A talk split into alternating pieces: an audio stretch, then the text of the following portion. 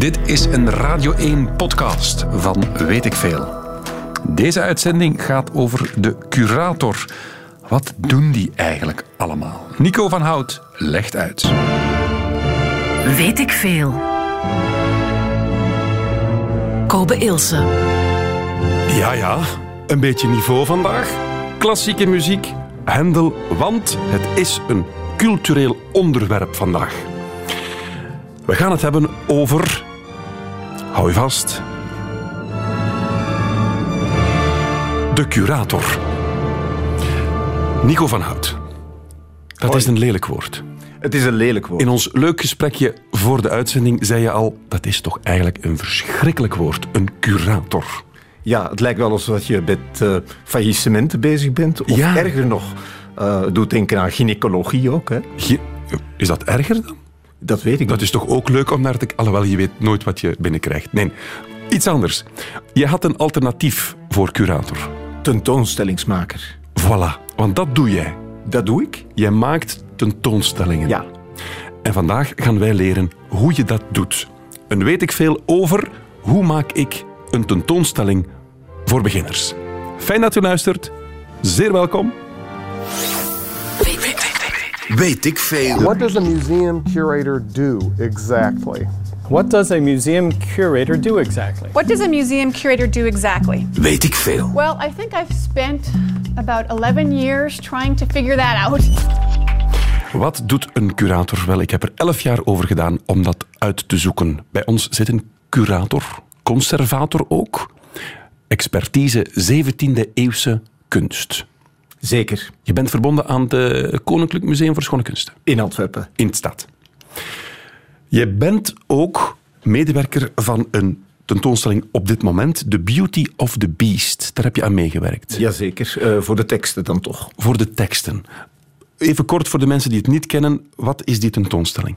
Die tentoonstelling eh, grijpt plaats in eh, een kasteeldomein, Hingenen, kasteel Dursel. Ehm, en daar is een tentoonstelling aan de gang die oude kunst combineert met hedendaagse kunst. Oké. Eh, dus in het hele domein ehm, ja, zijn er sculpturen te zien, maar ook bijvoorbeeld eh, een levend varken, Lucy. Ja. En in het kasteel natuurlijk oudere eh, werken gecombineerd met eh, hedendaags werk. En hoe gaat dat dan? Iemand wil dat organiseren en belt dan naar jou en zegt van ik heb nog iets uit de 17e eeuw nodig. Hoe, hoe, hoe werkt zoiets? belt naar mij of ook naar onze directie Ja. of naar andere medewerkers. En dan komt men op het idee van, ha, Nico is daar, eh, heeft tijd of die is daarvoor geschikt. Ja, ja, ja. Ehm, ehm, ik, heb dan, ik ben dan eigenlijk met de teksten begonnen ook, eh, maar collega Siska Belen bijvoorbeeld, die is dan in de weer gegaan met de keuze van, van de objecten en van de schilderijen en de beelden. Want het thema ligt vast, The Beauty of the Beast. En dan ga je dus in je, in je brein op zoek naar werken waar dat, die beesten in terugkomen? Of hoe, hoe, hoe, hoe begin je daaraan? Jazeker. Eh, de curator van die tentoonstelling, dat is eh, Koen de Vlieger van het kasteel zelf, eh, die, eh, die kwam met het idee. Ja. En wij hebben dan eh, met een team, want zo ge- gebeurt dat met tentoonstellingen, je doet dat zelden alleen, dat is echt teamwork, Ehm, kies je dan de stukken. Stukken die, die je leuk vindt, die, die echt relevant zijn voor die tentoonstelling. Of die, die echt ja, buitengewoon verrassend zijn, Ja, ja, ja. inspireren. Noem maar op. Het is in een kasteel. Ja. Dan moet je je al aanpassen aan je context, aan die omgeving. Want dat is geen museum, dat is een Sowieso. kasteel. Eh, en het is zelfs een, eh, niet zomaar een kasteel, het is een kasteel met waardevolle 18e-eeuwse bangsels. Ja. En je mag daar niet zomaar iets aan de muur hangen. Je mag niet met een drillboor, met een Black Decker daar gewoon Een gaatje boren. gaatjes in de muur boren om schilderijen op te hangen. Dat mag niet. Dat mag niet. Dus daar moet je al rekening mee houden. Wel, en daar komt de scenograaf bij te pas. Dat is iemand die de tentoonstelling ontwerpt, daadwerkelijk. En die is op de proppen gekomen met ezels. Geen levende ezels, maar wel schildersezels. Ja, want vooral duidelijkheid, het gaat over The Beauty of the Beast. Dus de ezel zou een rol kunnen gespeeld hebben. zou kunnen hebben een rol gespeeld Maar hebben. we hebben het dus over de houten ezel. Ja, de houten. Zijn er nog consequenties van het, door het feit dat het niet in een museum is? Ik denk aan tocht, Absoluut. verwarming. Het is een waterkasteel met een, eh, met, ja, laten we zeggen, een, een conditie die niet helemaal gelijk loopt met eh, ja, een ideale museumtoestand. Eh, ook daar moet je rekening mee houden. En dat, ja, dat betekent dat je ook iets meer gaat checken of de, de oudere kunstwerken het wel uithouden. Of dat er geen verfverlies is. Of dat er geen ja, rare toestanden met panelen gebeuren en zo. Wat is verfverlies? Wel, indien zaken heel erg slecht gaan, Ja. dan eh, gaan panelen of doeken wel eens eh, werken. Dan gaan die uitzetten en krimpen. Ja. En eh, het resultaat daarvan is dat dus ja, verfschilfers loskomen. En dat, dat is, wil je niet dat natuurlijk. willen we absoluut niet. Dat ehm, is de, de nachtmerrie van een, van een tentoonstellingsmaker. Ja. En, en dan moet je ingrijpen. Dan komen restauratoren bijvoorbeeld op de proppen met, eh, met eh, oplossingen. En, en die luchtvochtigheid, loop je daar dan echt rond met een, een, een meter om te zien hoeveel procent vocht is hier? Moet dat, moet dat dan gedroogd worden? Eh, een team van restauratoren, registratoren eh, gaan dan heel geregeld rond Ja. eh, om, te, om te meten, om te zien of er bijvoorbeeld ontvochtigd moet worden of juist bevochtigd. Of, ja, Wat is de ideale luchtvochtigheid voor een, een schilderij? Wel, dat is ehm, ongeveer dus een, een ehm, 52 eh, luchtvochtigheid bij 19 à 20 graden Celsius. 52 procent. Ja. En dat kan... is vrij eh, droge lucht, denk Dat is vrij droog. En natuurlijk is dat in een waterkasteel niet, niet zo simpel. Tuurlijk. Ehm, maar we hebben ook een kleine afwijking die we toestaan. Dat is van 48 tot 52 ehm, graden bijvoorbeeld. Ehm, maar ja, daar, ehm, ja dat, daar moeten we wel aan trachten te voldoen. Ja, ja, want anders zegt nog iemand, nee, je mag mijn schilderij daar niet hangen. Zo is dat. Ja. Zeg, en zo levende beesten als kunstobject, dat is toch nieuw? Dat is vrij nieuw. Eh, Koen van Mechelen, hè, die Voilà, eh, de hier eh, de kunstenaar met de kippen, maar ook met varkens. Er loopt dus een, een varken Lucy rond op het kasteeldomein. Je kan het vanuit de vensters zien rondlopen. Ehm, ja, dat is natuurlijk liefst buiten dat je zoiets hebt. Organisch materieel. Ja, want daar heb je toch geen ervaring mee. Je bent een kunsthistoricus, denk ik Nee, dan. dat is inderdaad vrij nieuw. Dus het verzorgen van een varken, dat, daar nee, heb jij misschien nee, daar, eh, dat, daar- ik ga de, de dieren niet voederen. daar hebben we... eh, Personeel dus voor. Ja, Ja, ja. dat Ja, klinkt maar dat- natuurlijk nogal. Nee, maar daar hebben we personeel voor, ja. Tuurlijk. Eh, en, en dus ja, dat is een varkenskweker die dat, die dat oplost. Ja, ik heb mij laten vertellen, want het wordt voorbereid, dat je een leuke anekdote hebt over dieren in een museum, namelijk de kevers van Jan Fabre. Ja, wacht, vertel. Ja, Wacht, wacht, wacht. Ja, oké, dus de kevers van Jan Fabre. ja, de kevers van Jan Fabre bleken insecten te bevatten. Oei, en wacht, want het, insecten... het, het, hij maakt werken met eh keverschildjes. ja, juist. Ja, een luster was het, dacht ik, hè? Eh, ja, hij doet dat met vele objecten. Hè. Ah, ja. Zelfs in het Koninklijk Paleis in Brussel heeft hij zo'n heel plafond volgeplakt. Oké, dus je had zoiets hangen. Wij hadden, een, we hadden tijdens die tentoonstelling van Jan Fabre dus al die kevers eh, over de vloer. En ja, die bleken insecten te bevatten. En eh, natuurlijk zijn wij schilderijen met allemaal panelen van Jan van Eyck en Rubens en Memling enzovoort. Ja. Dus wij wilden natuurlijk niet dat die insecten eh, lekker gingen eten aan de panelen van Memling. Dus wacht, dat ene werk bevat insecten en dan heb je de kans dat die insecten dus de andere werken gaan opeten. opeten. Hoe lost een curator dat op? Door de Jan Fabre eh Cito Presto weg te halen en te laten vergassen. Die beesten moeten dood. Die moeten dood. Zijn ze dood geraakt? Ja, En er is geen schade aan de andere? Er was geen schade, maar... Moet je dat zeggen? Of is er een stukje Rubens hoor. opgegeten door een fruitvlieg? nee, nee, nee, nee, nee. Maar eh, ja, dan moet je toch echt wel eh, echt snel handelen, want dat kan je niet maken. Oké, goed. Zo dadelijk gaan we het hebben over... Rubens. Radio 1. Weet ik veel. Eh, wij staan nu aan de achterkant van een decor. Ja, aan de achterkant, ja. Ja, wat is er aan de achterkant te zien? Wow. Dus jij bekijkt een decor alleen maar van de achterkant. Ik van de achterkant, ja. Dan heeft u eigenlijk meer dan één achterkant hier. Ja, we hebben de achterkant van het decor en de achterkant van de panelen die er nog achter de achterkant van dat eh, decor staan. Ja, ja. Het volgende stuk zal er zelfs in zijn met vier achterkanten. Vier achterkanten. Ja. Ja, ja. Dus u begint met een voorkant en dan gaat u verder. Hoe gaat u dan verder? Ja, we gaan maar verder met de eerste achterkant. Achter de eerste achterkant komt gewoonlijk dan de tweede achterkant. En dan? Nou, de derde achterkant tot, we, tot op het einde van het toneel zijn. Maar je gaat toch wel een keer naar de voorkant kijken misschien? Ja, dat wel, dat wel. Dat moet ik een keer, ja. Maar, maar eh, ik heb eigenlijk nog niet van de achterkant of zo. Ja? Ja, wel bovenop, hè. Op de achterkant? Ja. Ja. En wat is de schoonste kant? Weet ik veel. Ah, de vijfkant zijn ze, hè, maar voor ons is de achterkant de schoonste, hè. Aanschouw deze wilskrachtige kop, de vriendelijke mond, de verstandige bril.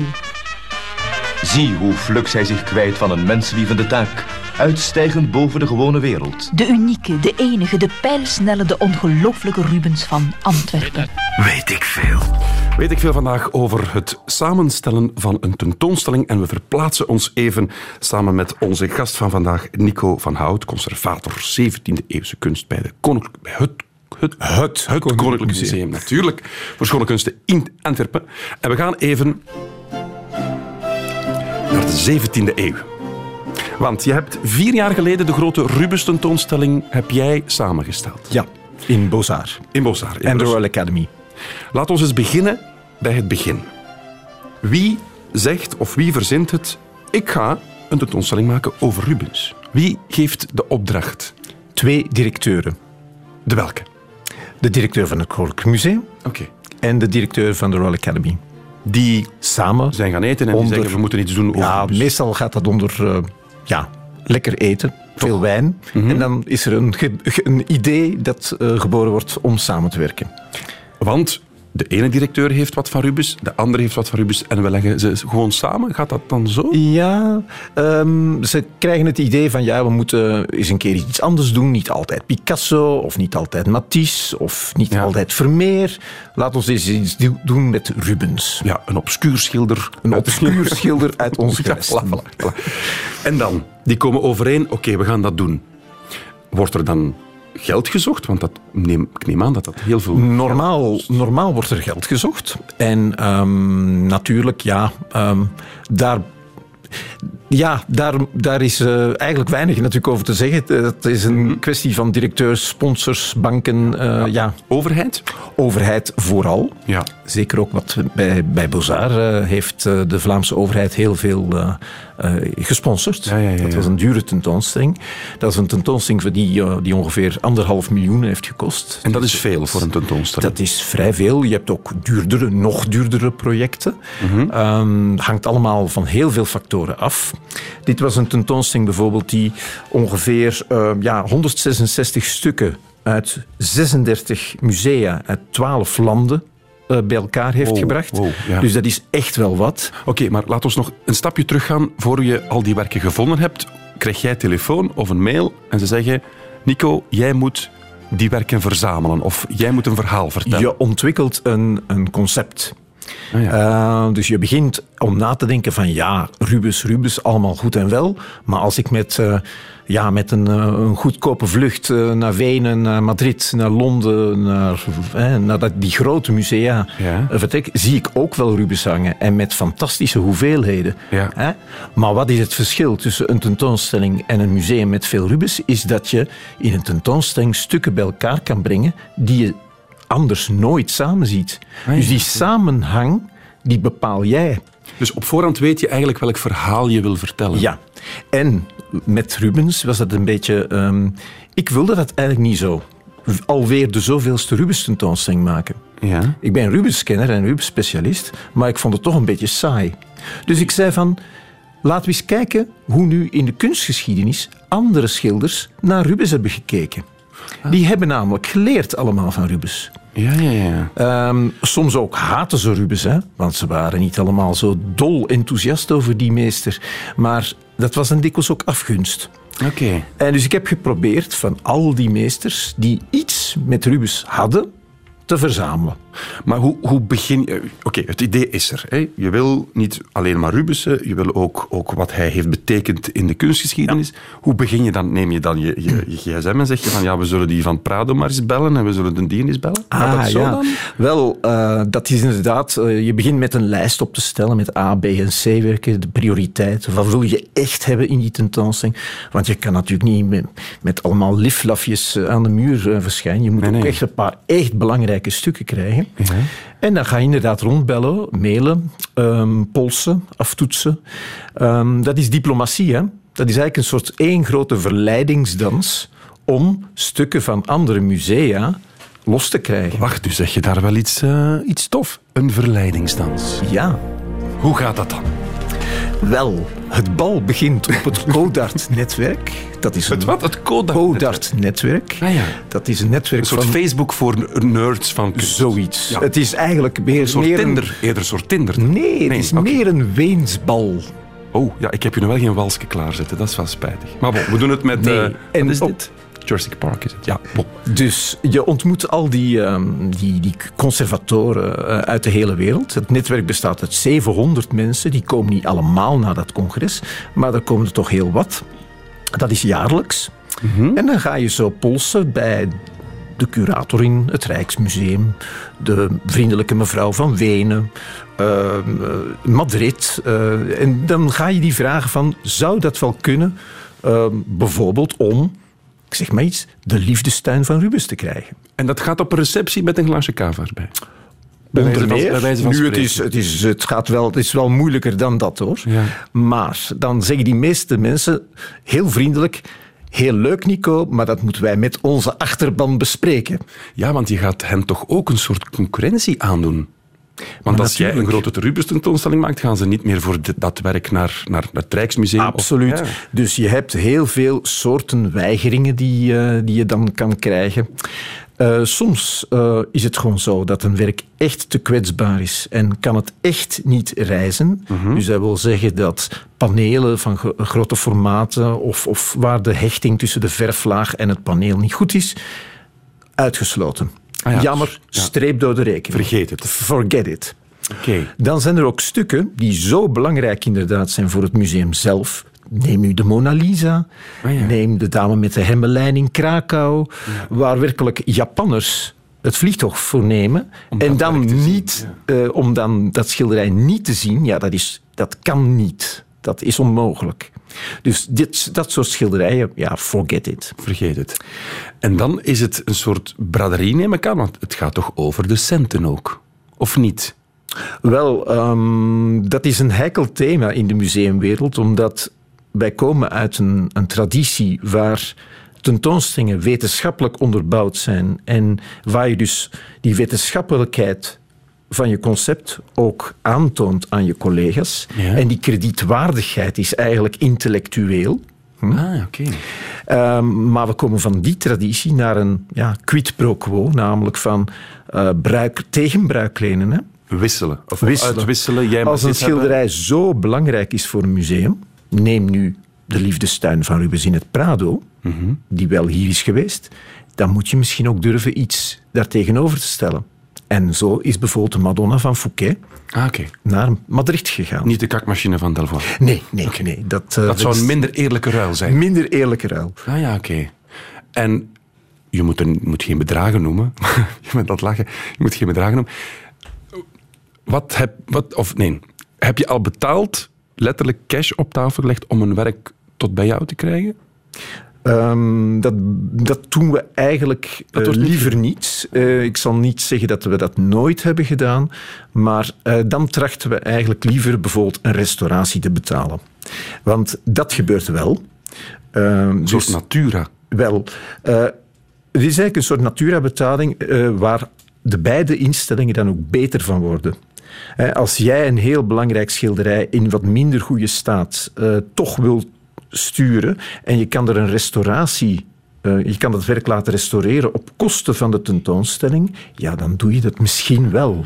Zo gaat Misschien. Oké. Goed. We hebben bijna al onze werken verzameld. Straks gaan we dan samenstellen.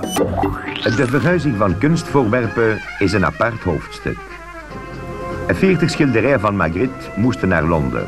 Dit is de, de beroemde Magritte, hoe heet hij ook weer? Le therapeut. Eh, le therapeut. Ja, ja, dat is Eh, een, welke waarde voor u?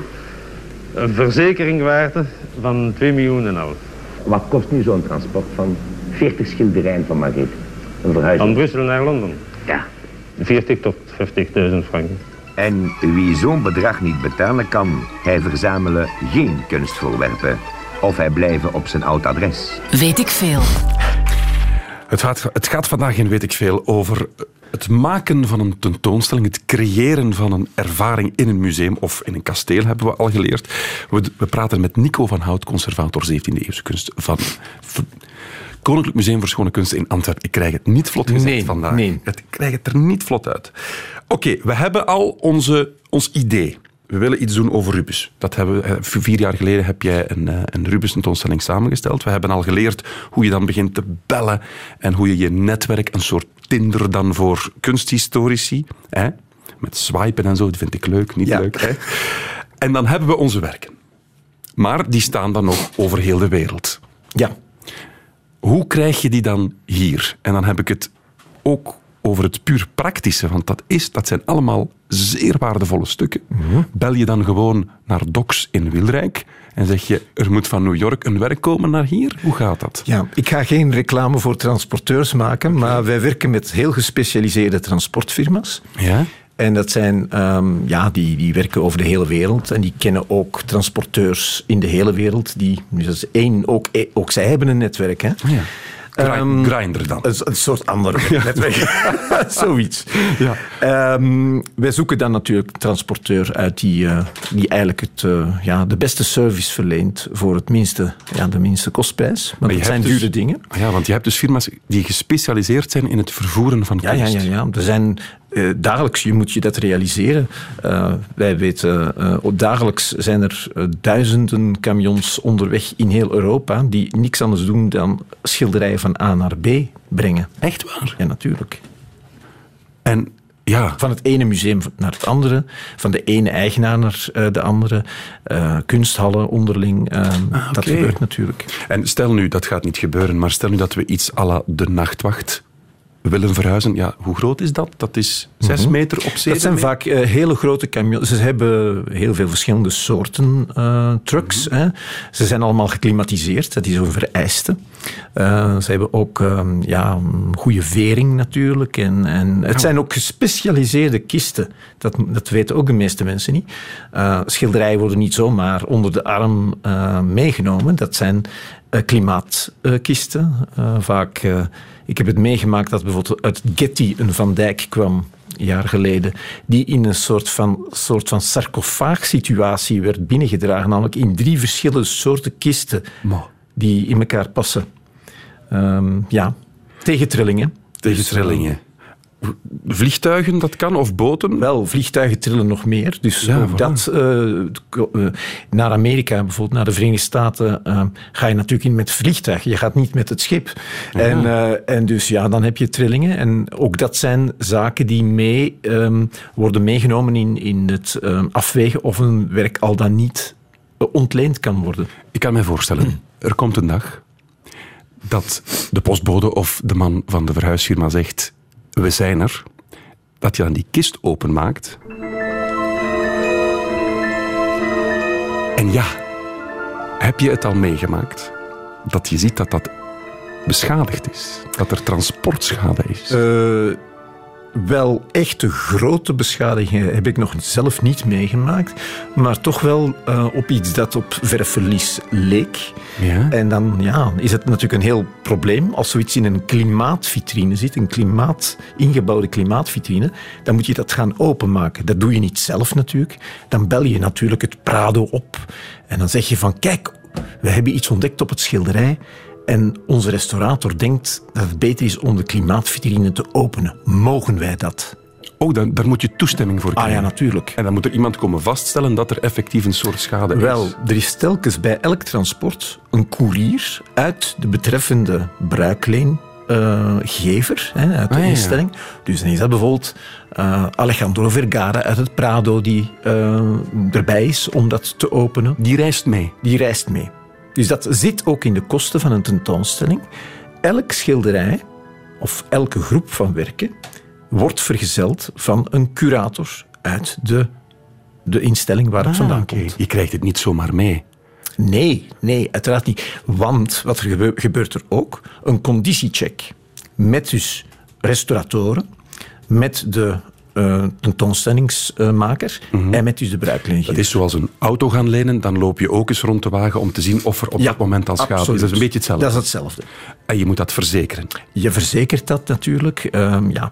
En dat gebeurt doorgaans, ehm, dus ook op kosten van de... Dat, enfin, altijd op, op kosten van de, van de tentoonstellings... ehm, ja, Dus jij moest dat betalen voor het niet, praten? niet Nee. ikzelf, hè, maar de liefste Rubens- de tentoonstelling. Tentoonstelling van. Ehm, Nee, eh, inderdaad. En dat beloopt dan wel eh 4 à 5 promille van eh, de totale waarde. Dus dat zijn gigantische bedragen die wij moeten betalen. En daar wil ik toch ook even over zeggen. Wij zijn samen met Portugal en Griekenland het enige land waar musea dat soort verzekeringen, dat soort bedragen, zelf moeten ophoesten. Wij hebben geen indemniteit. Wat is dat? Indemniteit is staatsgarantie, staatswaarborg. En dus alle ons omringende landen, die hebben dat. Wij hebben dat niet. Onze politici vinden dat kennelijk niet prioritair. Ja. En daarom zie je bij ons ook wat minder Picasso, wat minder Matisse, wat minder Mondriaan, omdat het gewoon Verzekering niet te betalen valt. Kan je een, een idee geven van wat dat dan bij die Rubens tentoonstelling is? Dat, eh, dus dat beliep bijvoorbeeld 425.000 euro. Van je anderhalf miljoen euro budget is er 425.000. Hebben de verzekeringsmaatschappijen dat slapend gewoon in ontvangst genomen. Ah ja, want als er niks gebeurt, ja. Ja, dat is zo bij Ja, verzekering. Kijk, eh, de kans bestaat natuurlijk altijd dat er een meteorietinslag is, Mhm. of dat ehm, het gebouw afbrandt. Maar natuurlijk, dat komt heel zeldzaam voor. Zelden voor. En qua transportkosten? Hoeveel Eh, dat was ongeveer een 700.000. Ja. Dus wacht, je had anderhalf miljoen euro budget, 700.000 transport, 420.000 25.000, ja. Dan ben je er bijna. Ja. En dus de, de moraal van het verhaal is, is dat een tentoonstelling maken en uit, uit winstbejag, dat, eh, dat, is- dat is toch iets voor, eh, voor Ja, ja, ja, niet snappen. simpel. En nu, nu snap ik ook waarom een tentoonstelling bijwonen dikwijls wel prijzig is. Dat is prijzig en dat ehm, heeft dus echt wel te maken met... En dat zijn dan nog gesubsidieerde tentoonstellingen, want het is nu ook weer niet dat de overheid dus niet bijspringt, maar... De, de, de winstmarges worden natuurlijk wel heel erg klein. Die, die, is- is- meestal is er sprake van een klein verlies. Ik heb gelezen dat jij ooit op een vliegtuig hebt gezeten met iets heel speciaals naast jou. Inderdaad. Vertel. Dat was eh, de Madonna van eh, Jan van Eyck. De Madonna van Jan van Eyck, dat is een schilderwerk. Dat is een heel, heel belangrijk eh, schilderijtje. En ehm, dat heb ik dus naar het Metropolitan Museum als koerier gebracht in handbagage. In handbagage? Ja, maar dat is een kleine... eh, je moet je dit niet voorstellen als een, een eh, soort Louis Vuitton met, eh, met voering of zoiets. Nee, dat was een kleine kist. Een klein kist. Een kist, dus een schilderij wordt niet opgerold. Nee, dat is integraal met kader. Nee, nee, nee, Dat zou trouwens bij die van Eyck ook heel moeilijk zijn geweest. Het was op paneel. dus ja. dat kan je moeilijk oprollen. Dus dan zit je En- daar op een vliegtuig met dat Jan- werk naast ja, je. Ja, dat is wel eh, bijzonder. Het is ook een beetje akelig in de zin dat natuurlijk eh, bij het vertrek bijvoorbeeld eh, is dat met, eh, ja, eh, met security. dat, dan word je niet zomaar tussen iedereen moet dou- douaneformulieren ehm, en natuurlijk regelen. En in JFK in, in New York was het dan ook nog zo dat de douaniers de kist wilden openen, wat onder geen enkel beding mag, omdat dat natuurlijk klimatologisch Tuurlijk. consequenties heeft voor zo'n schilderij. Hoe heb je je daar uitgeloond? Wel, ik heb toen het, ze wilden weten hoe dat, dat er dan uitzag. En dan heb ik gewoon op eh, Google eh, Images. eh, en dan had je dus die duizend afbeeldingen van datzelfde schilderij. Waaruit wel bleek dat het niet onbelangrijk was. En als we het mogen weten, hoeveel lag er op dat moment in handbagage naast je in euro? Ja, dat, dat ga ik niet prijsgeven. Maar dat, dat gaat over heel veel. Dat is een gigantisch bedrag. Wacht, je gaat het niet prijsgeven, momentje? dat laten wij niet gebeuren. Want wij zijn Oh. altijd benieuwd bij Radio 1. Ja, maar er zijn nu eenmaal een paar van die dingen die je toch niet prijsgeeft. Dat is zo een beetje Meer zoals de kleur miljoen. van je ondergoed. Dat Meer dan een niet. miljoen? Ja, dat zal wel zijn geweest. Meer dan 5 miljoen? Ja. Meer dan 10 miljoen? Ja. Oké. Een schilderij rolt men bijna instinctief op met het schilderij naar binnen. Dat mag niet gebeuren. Als men het oprolt, rol het met schilderij naar buiten. Want als men het van binnen oprolt, dan komen er onverbiddelijk barsten in of scheuren. Weet ik veel. Je komt wat te weten vandaag in Weet ik Veel. Nico van Hout bij ons, conservator en tentoonstellingsmaker. Klopt het wat er net gezegd is? In de tijd, in de jaren 60, want het is een fragment dat uit Echo komt, dat je een schilderij, als je het al zou oprollen, wat ik een rare gedachte vind, maar bon, dat je het dan met het schilderwerk naar buiten moet oprollen. Dat klopt. Dat Absoluut. is. Dat klopt. Nochtans, ik zou anders redeneren om het te beschermen naar binnen toe. Nee, je moet eigenlijk denken dat een schilderij bestaat uit een doek met daarop een grondlaag en dan nog andere verflagen en de afwerkingslagen.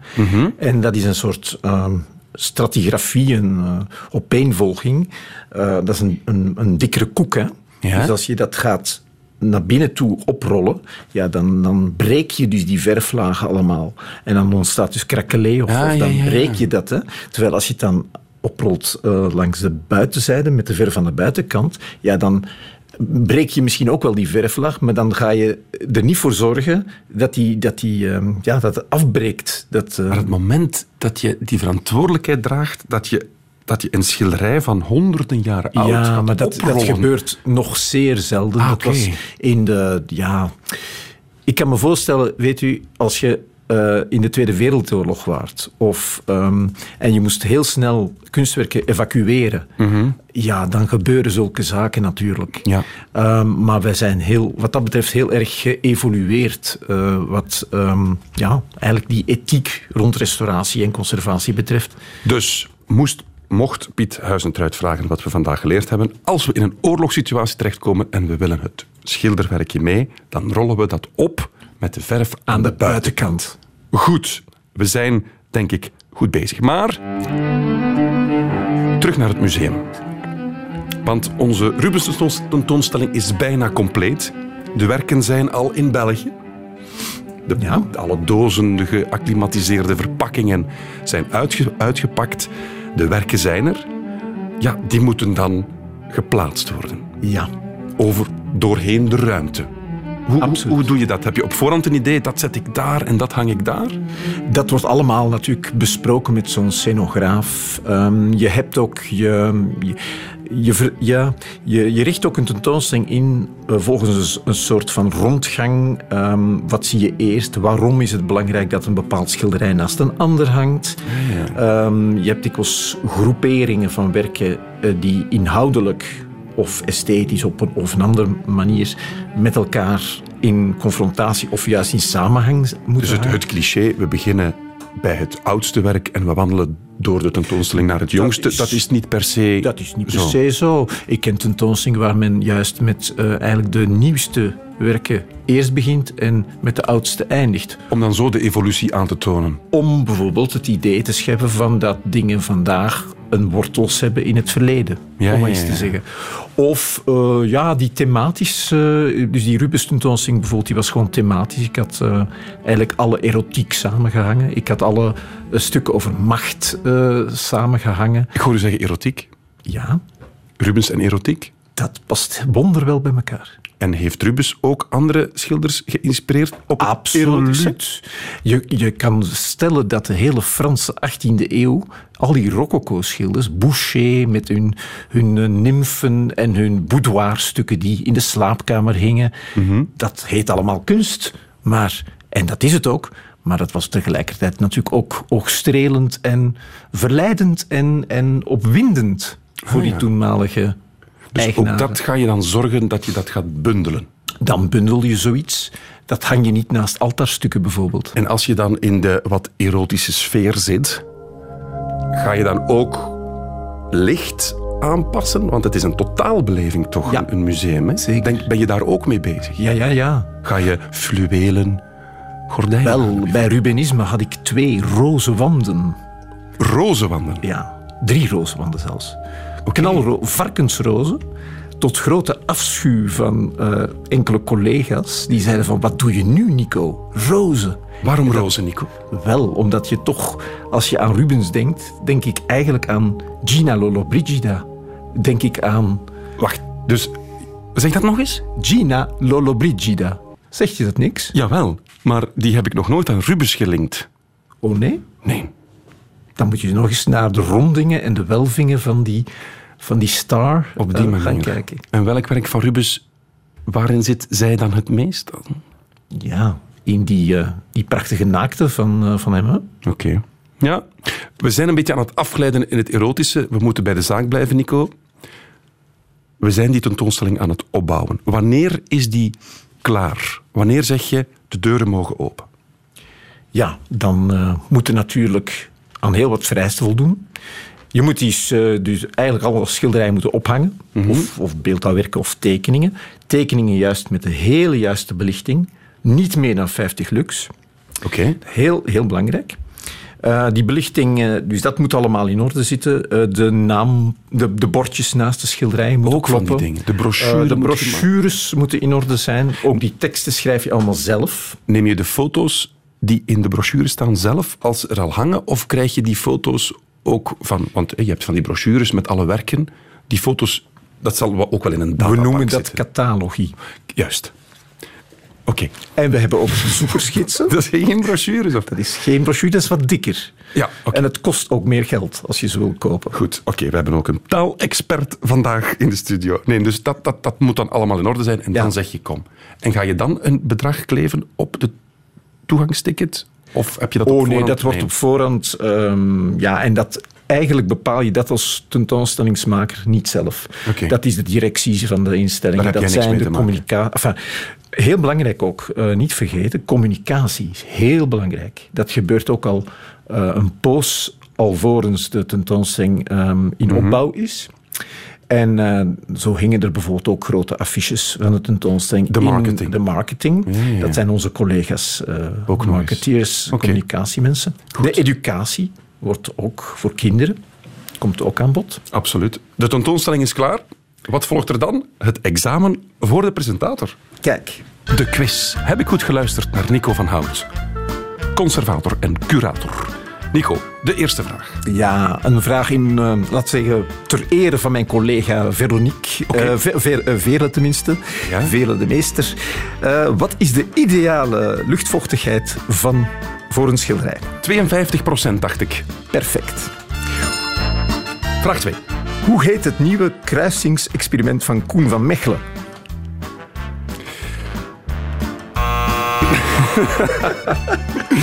Wat was het?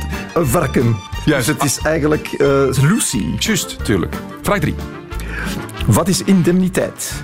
Wat is wat? Indemniteit. De staat die tussenkomt. De staat die waarborg voor verzekeringen Juist. en zo. Ja. Nog een vraag? Waarom mag je een schilderij niet oprollen met de verf aan de binnenkant? Omdat het dan zou kunnen krakeleren. Zo is dat. Nog laatste. Met hoeveel lux mag je maximaal een tekening belichten? 50. Schitterend. 4 op 5. Nico van Hout, u was een fantastische gast. Veel succes met alle tentoonstellingen die je nog gaat maken. Ik kom zeker eens kijken. Radio 1. Weet ik veel? Dit is het einde van deze podcast van Weet ik Veel. Weet ik Veel is trouwens een programma van Radio 1. Op radio1.be vindt u nog veel meer.